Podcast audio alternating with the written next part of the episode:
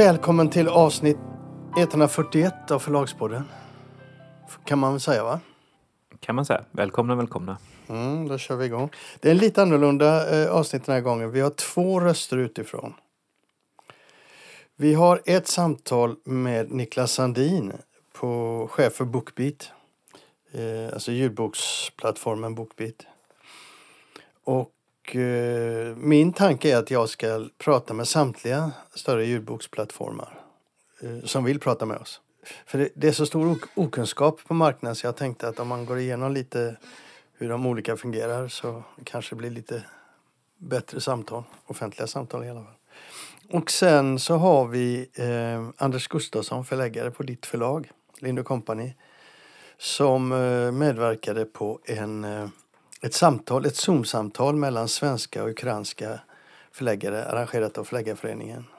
Låt oss börja med kort, en liten kort nyhet och sen så låter vi Anders Gustafsson berätta sin historia och sen kommer vi tillbaka.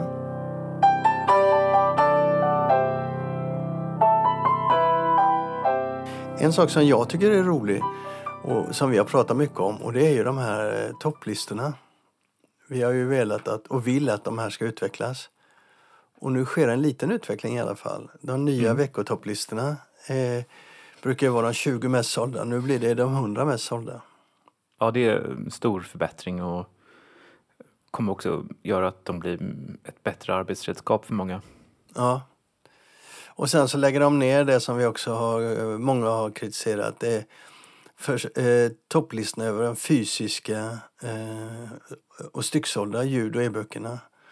De är så opolitliga för det är så liten del av marknaden, det är så liten försäljning där så att de slopar helt om och så blir det strömmande ljud och e-böcker istället som kommer från de här juli.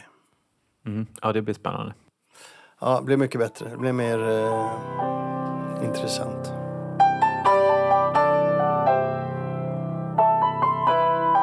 Ja, det här inslaget är ett väldigt aktuellt inslag eh, och det var Förläggarföreningen som häromdagen ordnade ett ett eh, möte över Zoom med ukrainska förläggare och bjöd in svenska förlag. Och Anders Gustafsson på Lind Company var en av de få förlagen eller förläggare som eh, var närvarande. Eller hur? Ja men det stämmer, så var det. Jag trodde att jag skulle vara en av hundra kanske för det kändes som att det här är, är liksom så superaktuellt. Men, men det kommer säkert fler möjligheter. Men det, det var ett eh, tiotal ukrainska förläggare som eh, var med. Och eh, det hela började med ett eh, föredrag av Alexander Afonin som är ordförande då för Förläggarföreningen och Bokhandlarföreningen i Ukraina. Och han gav oss liksom en bild av den ukrainska bokbranschen. Sådär faktauppgifter då som att det finns 1100 förlag ungefär som ger ut 21 000 titlar om året. Han sa att de 25 först, eh, största förlagen i landet, 20 av dem ligger i Kiev och Charkiv. Och eh, förläggarna som var med vittnade ju om liksom hur tryckerier har blivit bombade hur de har eh, fått flytta sina verksamheter. Och det är bara fem förlag av de största som finns i västra Ukraina som då inte är så drabbat av själva kriget. Ja, men det, var, det var en väldigt skakande bild av hur man försöker då bedriva verksamhet trots att stora delar av liksom branschen är blockerad. Det var en person som berättade att hans eh, företag som hade en slags eh, e-boksplattform då eh, lät människor eh, streama böcker gratis så att de har någonting att läsa i skyddsrum och annat. Men det handlar också om att ja, många förlag har då donerat sina överskott, sina vinster till landets försvar. Och samtidigt som man då försöker eh, stötta sina kollegor, och sina anställda på de här företagen så att det ska finnas en bokbransch när kriget en dag är slut. Men de var också sådär att ja, människor har ju just nu inte råd att köpa böcker för att de måste prioritera att köpa förnödenheter. Liksom. Förlagen har egentligen inte heller så stora möjligheter att eh, ge ut böcker. Det råder också en stor pappersbrist i landet. Förutom det här att uh, ja, tryckerier och förlag har bombat. Så att, uh, ja, situationen är väldigt svår. Vad kan svenska förlag göra då menar du? Ja, de hade ju några önskemål då. det var sådana saker som att se till att skänka papper till Ukraina. För det är ju inte bara för böcker utan också för nyhetstidningar och ja, informationsblad och annat. Så det var ett starkt önskemål som de hade. Man hade också vänt sig till den internationella förläggarföreningen för att fråga om helt enkelt bidrag till löner så att inte all kompetens som finns på förlagen liksom totalt försvinner så att man åtminstone ska kunna ge någonting till de som är anställda på förlagen. Men den viktigaste grejen tycker jag och som jag också mycket ser fram emot och det, det är att de har sammanställt en lista med över 600 titlar. Och det rör sig både om eh, barnböcker, skönlitteratur och fackböcker. Och deras liksom, önskemål till oss och till alla andra utomlands eh, som jobbar på förlag är att, liksom, att man ska kunna stötta dem genom att köpa rättigheter för att då översätta de här böckerna till svenska. Och eh, den listan kommer Förläggarföreningen i Sverige distribuera snarast. Och eh, ja, jag hoppas att vi alla kan dra vårt strå till stacken där på något sätt.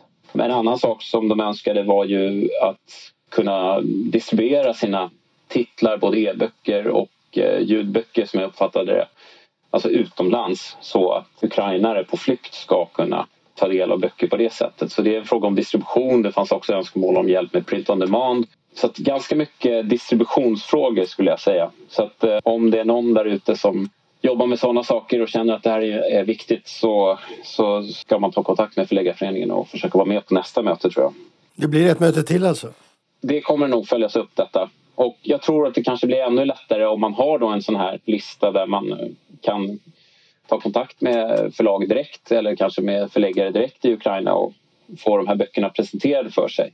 Så att det kan bli mer konkret liksom. Ja, att svenska förlag kan hitta böcker som passar deras lista. Jag förstod på, på Norstedts eh, har man redan tagit sådana initiativ. Det är säkert andra som vill göra det också. Mm. Men du sa det var bara ett tiotal förläggare som var med på mötet? Ja, jag tror att vi var sex personer från Sverige och det var tio från Ukraina. Nästan lite skämmigt va? Ja, man hade ju önskat kanske att vi skulle vara ännu fler. Men samtidigt så kan man också säga att det kanske blir bättre när man har den här listan och att man kan göra saker konkret. Alltså inköp av rättigheter konkret. Tack ska du ha. Tack så mycket.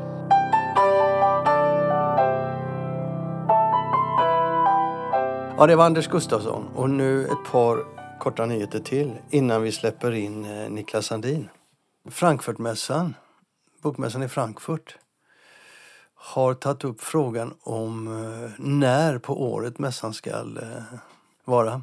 I år är den ju i oktober som är tradition. Den har alltid varit i oktober. Någon vecka eller två efter Göteborgs bokmässa. Men nu har man börjat diskutera att eventuellt flytta den från 2023 till september. Och då tror jag det kan bli lite lurigt.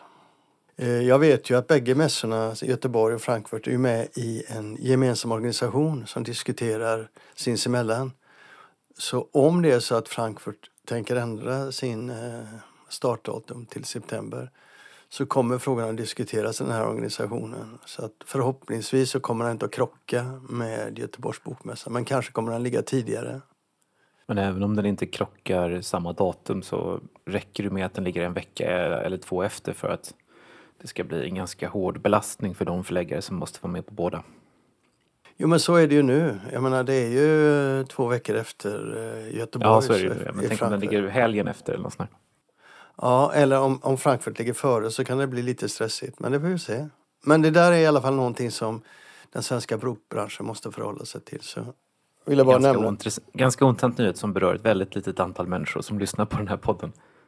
Ja, men för branschen är det en intressant nyhet. Ja. Fast jag tycker det finns en annan sak eh, som eh, också en mindre sak men som kan bli en stor sak.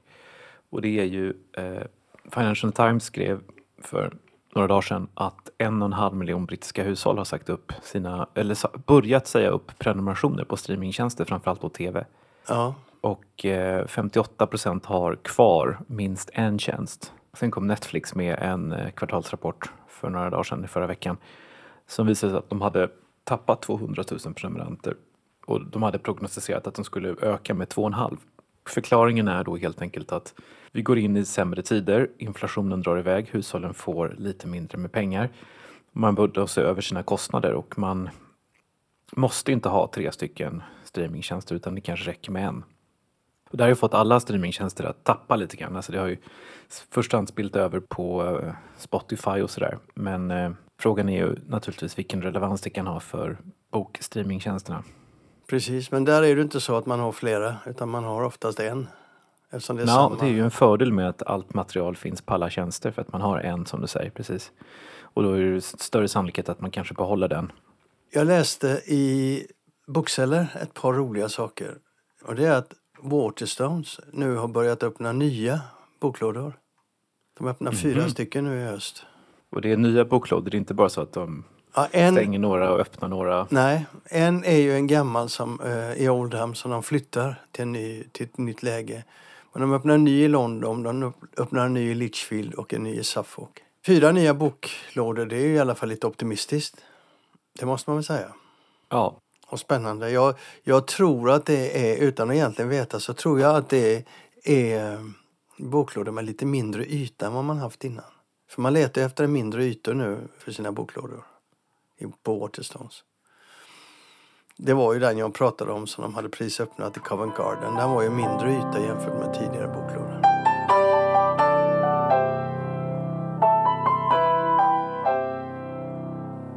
Hej Niklas Sandin, chef på Bookbeat som är Bonnierkoncernens ljudboksföretag eller plattform. Hej Lasse Winkler. Vi ska prata Bookbeat och vi ska prata ljudböcker. Och vi ska göra det lite grann för att eh, jag har en tanke att man ska prata med alla ljudboksplattformarna. Folk verkar fatta så lite. De verkar framförallt inte fatta skillnaderna och tankarna hur framtiden ska se ut. Så, eh, ni skiljer er lite från en del konkurrenter.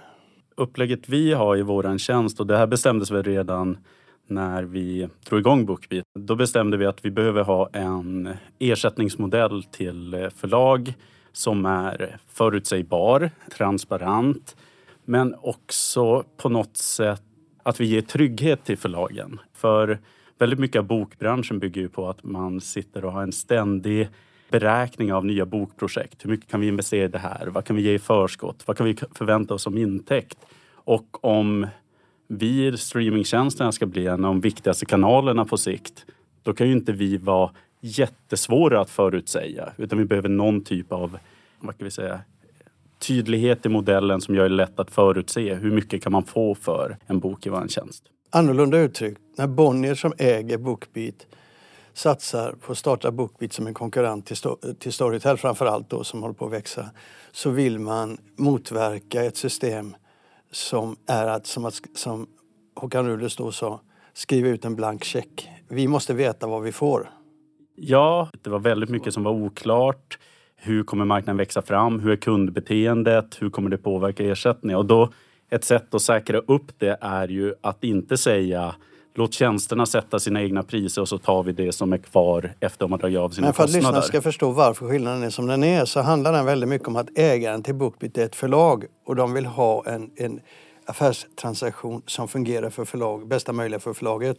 Det är inte bara att förlaget tycker att det ska vara en viss typ av modell. Jag representerar ju Bookbeat och har varit med och byggt upp det här från grunden och jag hade nog aldrig startat den här verksamheten och byggt upp den om jag bara behövde göra en modell som funkar för förlagen. Vi tror ju också att det är en modell som funkar för tjänsterna. Eh, exempelvis är ju att vi har den modell vi har eh, förutsättningen för att vi har kunnat öppna i Tyskland. Inget förlag i Tyskland hade accepterat om vi hade gått in med en så kallad revenue share-modell utan de snarare förväntar sig att ja, men ni måste ge en fast ersättning per bok, annars kommer vi inte acceptera er. Det, här det är en förutsättning för... för oss att komma ja. ut också på Det här marknaden. kan bli för tekniskt för en del lyssnare. Så, så vi ska återkomma till revenue share, men mm. först ska vi tala om er modell så att ja. folk fattar vad vi pratar om. Ja, i vad kan vi säga, det enklaste av drag så är vår modell uppbyggd på det sättet att vi kommer överens med förlag om ett fast pris per bok. Och eftersom det skiljer sig väldigt mycket i längd på olika böcker så är priset också beroende på hur lång boken är. Men som ett förlag som exempelvis väljer att eh, producera en bok på tio timmar, de vet redan på förhand hur mycket de kommer få för den boken när den lyssnas på i Bookbeat. Kan du ge oss, utan att vara exakt på hur mycket ni ger, kan du ge oss ett, ett estimat som är ungefär så att de som lyssnar fattar vad det handlar om för pengar? jag, jag kan inte ge något exakt, men jag kan som ett, ja, men ett lite grovt exempel. Det brukar pratas ibland runt 3 kronor per timme. Så för en 10 timmars bok skulle det innebära ungefär 30 kronor. Till förlaget? För, ja, till förlaget. Och för en 20 timmars bok så är det 60 kronor. Men såklart sen mindre också om det är en väldigt mycket kortare bok. Och anledningen till att vi valde en modell som var mer kopplat till längden på boken är ju att det är så användarbeteendet ser ut. Senaste åren har vi legat runt ungefär 25 timmar i snittkonsumtion per månad i Bookbeat. Och det vi märkte var ju att det var inte att användaren bestämde sig, jag lyssnar på en bok eller två böcker, utan det var det som var konstant över månaderna var ett visst antal timmar. Sen kunde det vara att de lyssnade på fem böcker eller på en väldigt lång bok för att komma upp i det. Och då såg vi det som att det fanns ett värde i att också låta intäkterna följa vad användaren lägger sin tid på.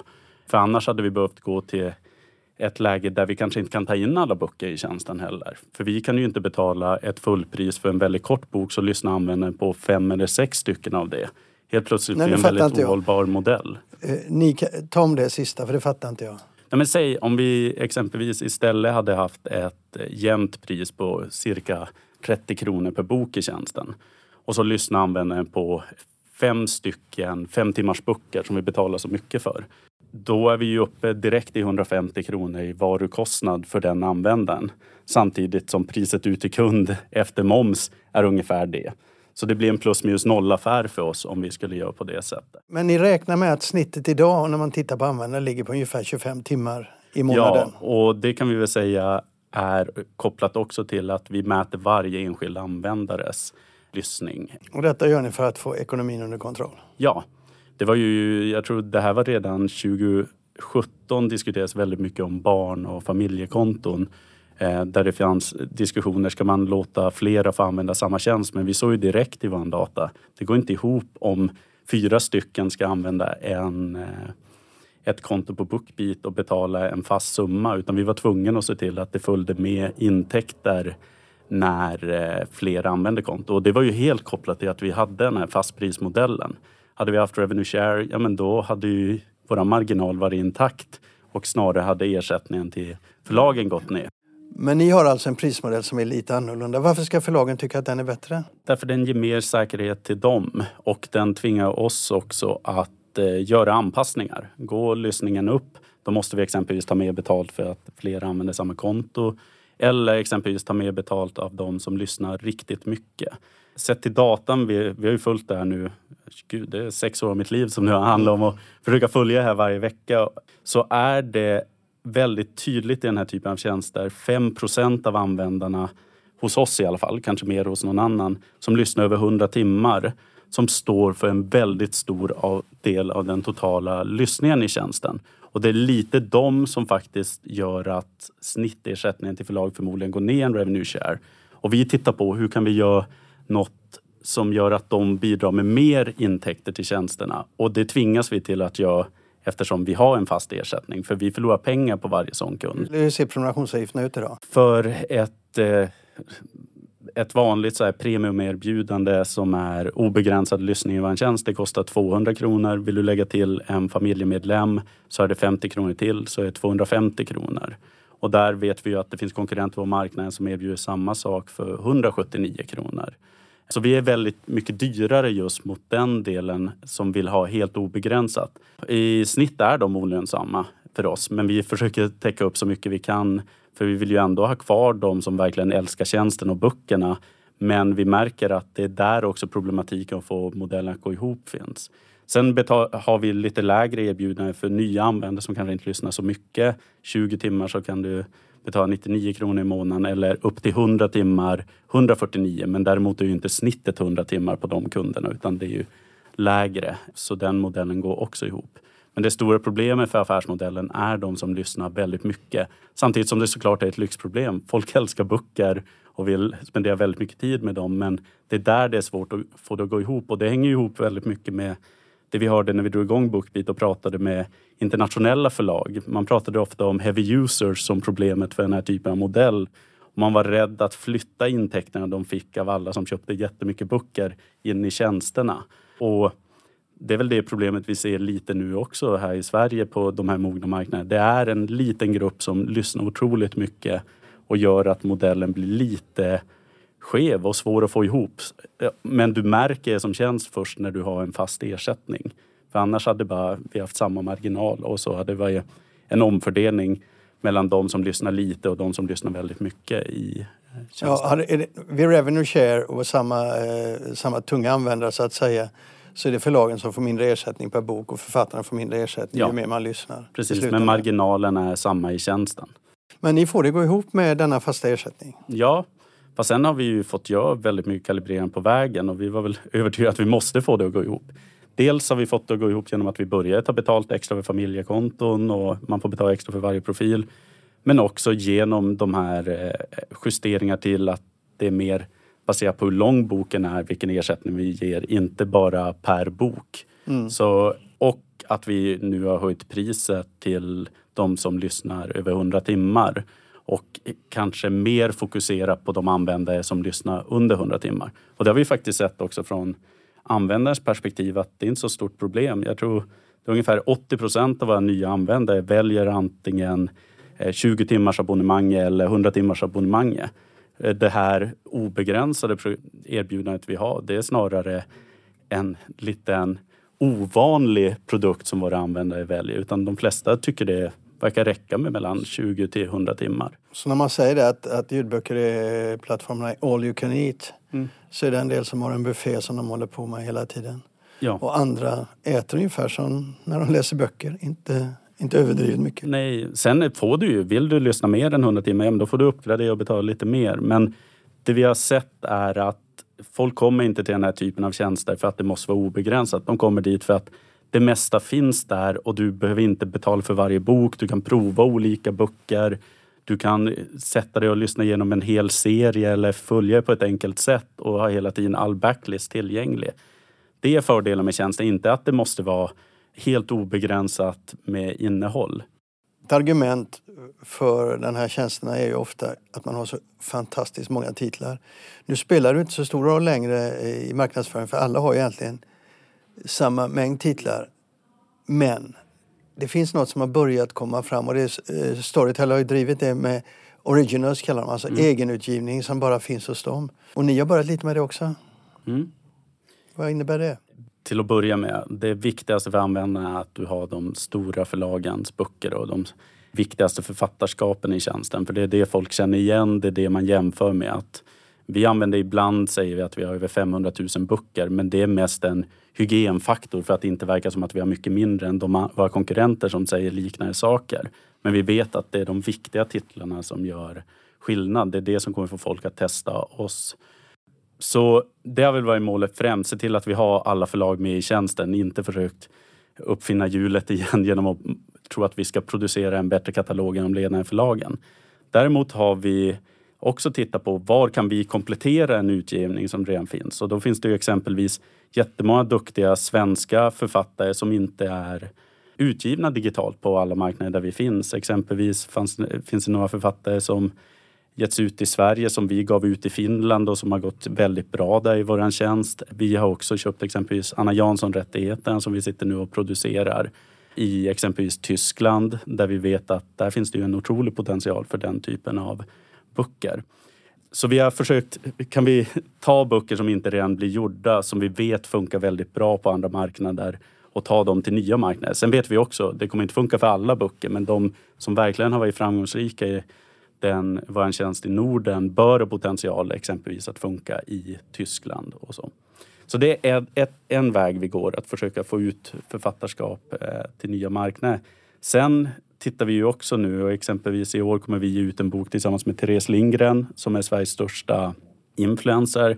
Där vi såg att eh, hon gav inte ut någon bok just nu och vi ville inleda ett marknadsföringssamarbete. Hon har en väldigt stor målgrupp med människor som vill lyssna på vad hon säger. Eh, Då sa vi, ja men om ingen annan ger ut din bok just nu kan vi göra någonting tillsammans. Så vi sitter tillsammans med henne och skriver den boken just nu. Och den blir del av eh, den kampanj vi gör med henne i år för att locka fler människor till vår tjänst men också få fler att lyssna på böcker. Så det är också att vi gjorde något som kanske inte riktigt fanns men vi försökte inte ersätta förlagens utgivning. Ja, men det är det här som kallas originals, det sistnämnda. Men låt oss gå tillbaka till Anna Jansson. Anna Jansson är då en Norstedtsförfattare. Mm. Och ni är ett Bonnier-företag. Mm. Eh, Och det har egentligen aldrig hänt normalt utan det skulle man kunna tänka sig att Nordstress själva skötte och Nordstress ägare Storytel skötte. Men här, den här typen utav uppköp, just nu i alla fall är det lite, inte vilda västern, men det är lite som man kan göra som ni har gjort. Man kan gå till andra förlag och få deras eh, författare att gå med på det här. Samtidigt, för vi vet ju till exempel att Saga Egmont, den danska plattformen, har gjort detta väldigt mycket. Köpt upp författarskap som de sen lanserar överallt. Men om vi bara går tillbaka till den svenska marknaden. Hur tror du framtiden ser ut? Det finns en anledning till att vi kanske inte köpt så mycket rättigheter i Sverige. Det är ju för att det är så många duktiga förlag som redan gör så mycket böcker här. Det är svårt, det är svårt för oss att hitta någon rättighet som inte redan produceras på den svenska marknaden. För det är en sån utgivning från så många olika aktörer. Så det är väl skälet till att vi inte har varit lika synliga i Sverige som vi exempelvis är när vi tar svenska författare till andra länder. Så det är väl en aspekt till varför man kanske inte ser så mycket här men också varför vi vi, Saga Egmont har ju köpt massa rättigheter i Sverige. Vi har inte riktigt hittat några särskilda rättigheter i Sverige som vore rimliga för oss att producera här. Vi gör väl en lite annan analys och ser inte samma Men hur tror du potential. framtiden, framtiden kommer att se ut? Från vilket perspektiv? Från tjänsteperspektiv eller? Tjänsteperspektivet. Vi tror ju att marknaden kommer fortsätta växa i Sverige men den börjar ju komma närmare och närmare den här ensiffriga tillväxten kontra den tvåsiffriga som vi har varit vana med de senaste Och åren. då pratar vi under, över under 10 procent. Ja, ja men där runt det strecket. Jag tror redan i år kommer det vara runt 10 procent som tillväxten är och vårat mål under den tiden är ju att öka vår marknadsandel. Så vi tror ju, vi tror ju att marknaden kommer börja stabilisera sig och kanske minska procentuell tillväxt men att vi kommer ha möjlighet att ta mer marknadsandelar. Och där har vi exempelvis sett nu i början av året vi hade största inflödet någonsin av nya provanvändare i Sverige under januari och februari under de månaderna. Så det är inte så att vi har någon sån här trend att färre nu testar på tjänsterna utan det finns fortfarande väldigt många människor som vill testa en tjänst.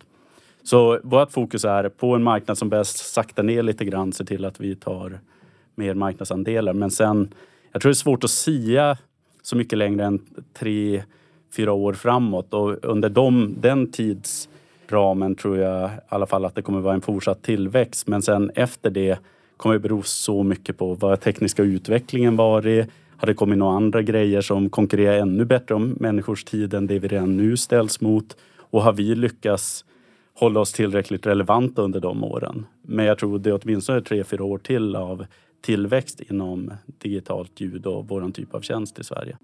En annan fråga som är intressant det är vad fungerar på plattformarna? Det diskuteras ju väldigt mycket. Folk har ju uppfattningar vad fungerar. Men du sitter med siffrorna. Mm. Där, exakt vad som funkar som en ljudbok finns det ju otroligt många åsikter om och väldigt ofta kommer åsikterna från de som inte ens säljer så mycket böcker eh, som ljudböcker.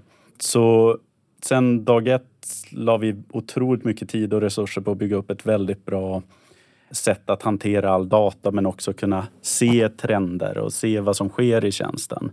Och det vi blev varse om rätt snabbt var ju att konsumtionen i en ljudbokstjänst är inte väsensskild mot vad som går väldigt bra brett på marknaden. Och det är inte bara en svensk grej utan det är också det som går bra i vår finska tjänst är ofta det som har gått väldigt bra kommersiellt ute på marknaden annars. Så en grej jag brukar ta upp när folk pratar om vad som funkar i en ljudbokstjänst är att titta på vilka som har mest lyssnare författare någonsin i vår tjänst. Den, den som är högst upp är J.K. Rowling med Harry Potter-böckerna. Det fanns ingen tanke på att det skulle vara en ljudbok från början men nu är det något som funkar väldigt bra. Både som skriven bok, som lyssnad bok men också sen som film. Det var en väldigt stark berättelse. intressant därför att hon går under radarn på ett sätt. Mm. De, hon är jättestor i Sverige. Nästan lika stor som hon var när hon kom från början. Ja. Inte riktigt. Men folk pratar inte om det. De ser inte det. Nej, jag tror på alla våra marknader ligger bara konsumtionen på de här, vad är det, sex, eh, sju böckerna och sånt, ligger mellan 5 och 10 procent av marknadsandel i Bookbeat. Och jag tror Storytel har också gått ut med siffror att J.K. Rowling var mest lyssnade författaren. Så bara där har vi något som går otroligt bra i tjänsterna. Vi har också näst mest lyssnare är väl Lucinda Riley-böckerna som är ett fenomen som bara skett de senaste fyra åren. Går jättebra på alla våra marknader där vi har de böckerna. Också något som inte hade varit en typisk ljudbok och man har ju pratat om vad som går bra i tjänsterna eller en typ av originals när folk pratar om det utan det är snarare en 20 timmars lång bok med historiska tillbakablickar och en stark berättelse. Där kräftorna sjunger har gått hur bra som helst också i tjänsten. Det är mest lyssnade boken någonsin i Bookbeat i antal timmar. Och den har varit ett jättefenomen också ute i handeln med pocketförsäljningen som har slagit väldigt mycket rekord. Men nu tar jag ju de mest extrema exemplen, men det är väl det första man får komma ihåg att det måste inte vara väsensskilt bara för att det är en ljudbok utan väldigt mycket av den starka utgivningen av duktiga författare som hela tiden sitter och kämpar för att skriva en, en berättelse som folk inte vill sluta lyssna på. Det funkar väldigt bra i ljud också. Sen kan du lägga på en väldigt duktig uppläsare som såklart adderar en dimension. Så det är väl det ena. Det som går väldigt bra i, generellt i handeln går också väldigt bra i tjänsterna.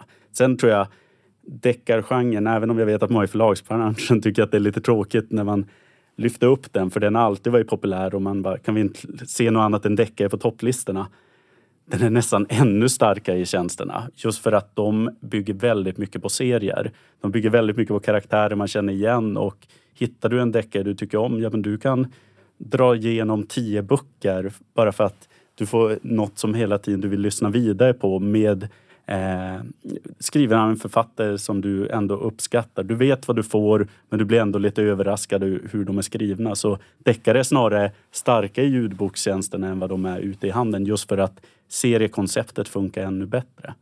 Eh, sen finns det ju såklart mer nischade typer av böcker som funkar bra i våran tjänst där eh, men de stora dragen är att det är det starka författarskapen som funkar bra här också och deckare. Men inte bara deckare utan vi pratar om annan genrelitteratur också som fungerar Ja. bra. Ja, det, sen, det, är det är alltid svårt. Att, vad ska man sätta olika böcker i för fack? Men vi vet att eh, ja, vissa typer av feelgood kan funka bra, vissa typer av romance kan funka bra. Men du menar att all feelgood och all romance fungerar inte?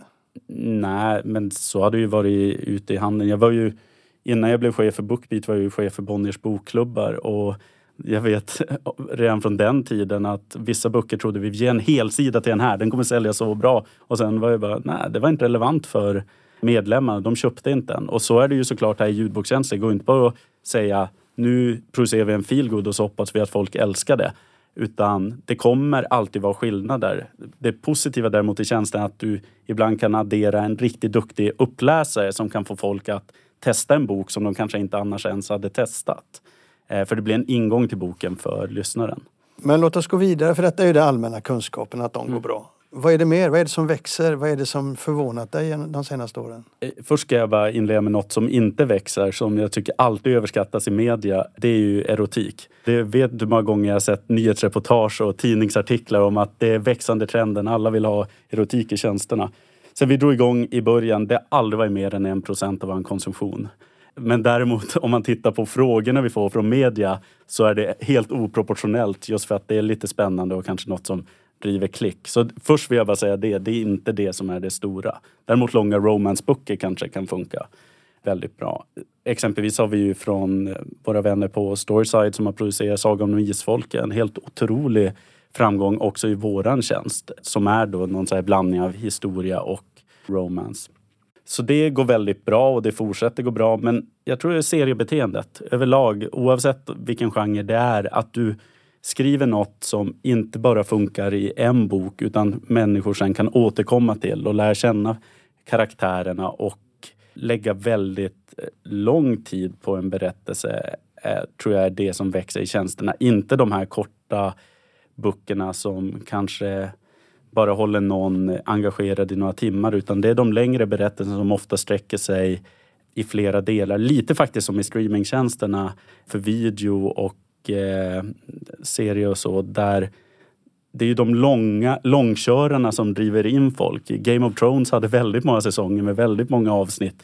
Det var väl det som låg bakom att HBO växte så mycket som det gjorde på den svenska marknaden. I Netflix har ju flera exempel på serier där det kommer tillbaka nya säsonger och det är inte bara ett avsnitt av något som drog in folk utan det är det där längre. Men ta Netflix då och jämför. De har också dokumentärer, de har också matprogram, de har också... Alltså de har massa varianter som de producerar väldigt mycket av vilket tyder på att folk tar till sig det. Och då finns det något annat som bortanför de här genreutgivningen då så finns det något annat som också finns och fungerar bra på ljudbokssidan. Vad är det? vissa typer av faktaböcker, för det, det, brukar vara ofta en grej som kommer tillbaka. Fakta funkar inte bra som ljudböcker och det vill jag ändå eh, ge en annan bild av. Eh, all fakta funkar inte, för, och det tror jag redan var i handeln också. Väldigt många faktaböcker köpes nog, men jag är inte säker på att alla, alla vänder varenda sida i dem. Eh, och det blir extra synligt i tjänster som mäter faktisk lyssning och inte bara om folk tryckte på play. Eh, men det finns de som fungerar. Senaste åren vi har haft, eh, ja, förra året mest lyssnade faktaboken hos oss tror jag var Tills alla dör av Diamant Salihu. Det är ju en faktabok på ett sätt men den är berättad som en berättelse. Alltså man vill lyssna slut, man vill veta vad som händer med de som är med i den. Eh, vi hade för några år sedan också eh, Tara Westovers eh, eh bok. Den gick väldigt bra hos oss men det var också en berättelse. Eh, vi har haft exempel på det var också lite samma genre som då Tills alla dör, men Familjen som släpptes också gick otroligt bra i vår typ av tjänst. Men igen, det är en berättelse då. Det är inte att man bara lyfter fram olika fakta. För det vi har märkt i den typen av böcker är att människor ofta lyssnar ungefär en tredjedel av de böckerna. Och då kommer det ju bli så att den totala antal timmarna som läggs på den i den, vår typ av tjänst blir ju mindre än exempelvis en deckare eller en eh, du, Lucinda Riley-bok där 90 procent eh, lyssnar hela vägen till slutet. Så du säger det att fackböcker de lägger man av tidigare? Ja, överlag. Men sen finns det ju exempel som jag tog upp här som har ungefär samma genomlyssning som en, vilken deckare som helst. Biografier? Det beror helt på vem personen är och om den har en gripande historia. Jag, en av de mest lyssnade böckerna någonsin i Bookbeat är väl Mikael Persbrandts eh, biografi. gick jättebra. Sen kan väl inte säga att vissa politikerbiografier har gått lika bra för att de kanske inte har varit lika engagerande. Mm. Så det, det beror helt på. Så jag vill även här tror jag att man inte ska se det som homogent att alla faktaböcker är på samma sätt och funkar lika bra i tjänster utan det beror helt på vad är det för typ av berättelse och vill våra användare lyssna hela vägen till slutet. Och det vill de väldigt ofta men då hänger det på, är det en, en berättelse som driver dem framåt och eh, är det en bra uppläsare, då kan en faktabok funka hur bra som helst i vår tjänst. Barnböcker?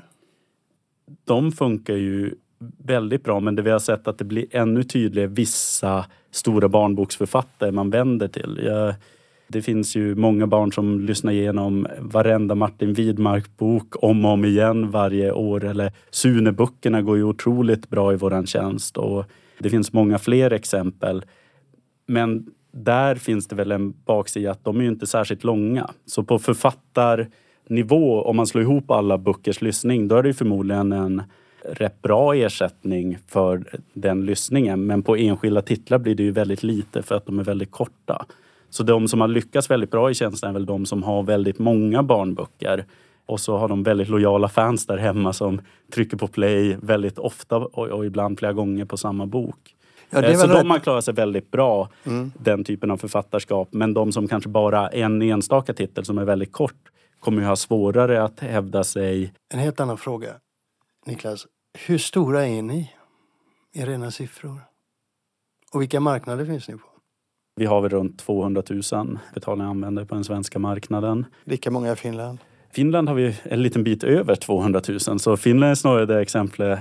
Eh, vad händer om vi startar samtidigt som Storytel? Där vi har lyckats jättebra med att locka finnarna och det blir rätt många procent av den finska befolkningen som faktiskt har... Så Finland är egentligen det, det land i, världen där, där, som har flest ljudboks lyssnar i förhållande till eh, sitt eh, ja, invånarantal? Ja, ja, vi uppskattar i alla fall till det sättet. Vi säger att vi har strax över 200 000. Det betyder ju att vi är lika stora i Finland som Storytel är på den svenska marknaden. För man kommer ju säga att de har över 400 000. Och sen vet vi att det finns en hel del konkurrenter som också använder, inklusive Storytel. Så på bara 5-6 år så har de nu kanske 7-8 procent av befolkningen som betalar för en ljudbokstjänst.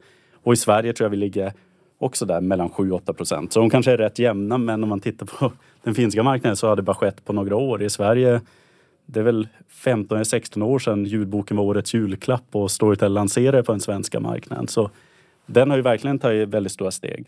Efter det så är det ju Tyskland där vi också har passerat 100 000 betalande användare och växer väldigt kraftigt. Men där har vi ju utmaningen att hur kan vi komma ikapp de där en miljon användarna som Audible har? Mm, Men det ska vi ju se till att steg för steg göra för den marknaden är ju långt ifrån samma marknadspenetration som de nordiska. Sen Men- efter det så har vi ju Danmark och Polen där vi har bara funnits ett år. Fått in, vi följer plan med tillväxten men det är ju de är ju rätt nya marknader men det är Sverige, Finland och Tyskland som har varit våra största bett och det är de där vi har tagit starkast position hit. Vilka andra marknader finns ni på? Ja, förutom då Danmark och Polen som jag nämnde, Norge håller vi på att lansera och eh, Nederländerna och i Belgien har vi också inlett en lansering efter vi skrev avtal med det största förlaget där. Sen Österrike, Schweiz har vi också lagt till. De är lite del av vår tyska satsning för det är ju främst tysktalande böcker de lyssnar på där. Men vi gör lokal marknadsföring också på de marknaderna. Så det är väl de vi finns på just nu och sen sitter vi och tittar på, ska vi lyckas få igång UK igen eftersom vi aldrig lämnade? Finns det några andra av de stora europeiska marknaderna som eh, skulle kunna vara viktiga för oss framåt? Men det handlar helt om potentialen och den bedöms väldigt mycket av de lokala förlagen. Accepterar de vår modell eller inte? För om de inte gör det, då kan vi investera hur mycket som helst. Folk kommer ändå inte tycka att vårt utbud är tillräckligt bra.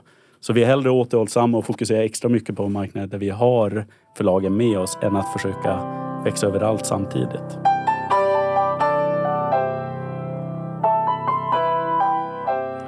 Så till slut en litet klarläggande och eh, en efterlysning.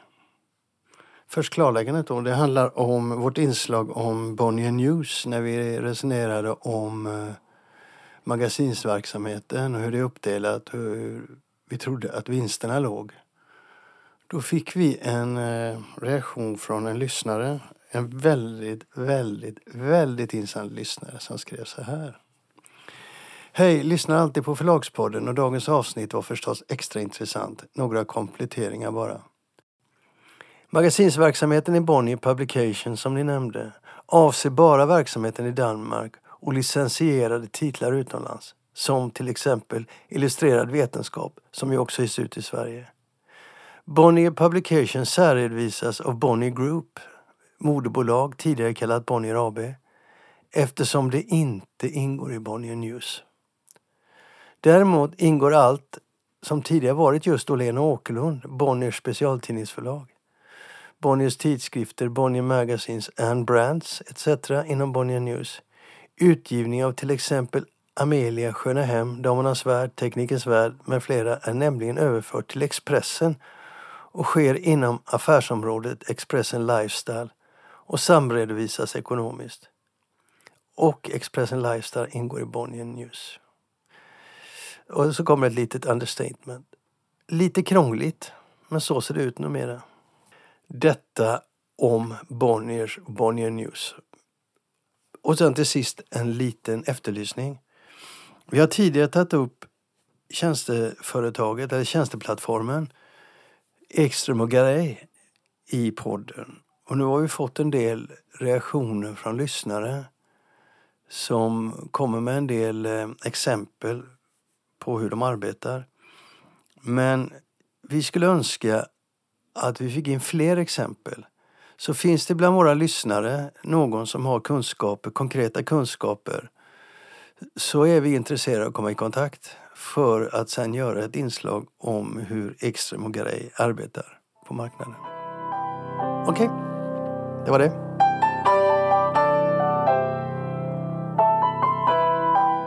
Det var allt för avsnitt 141.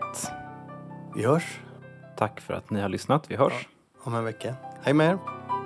Ja. Hej då.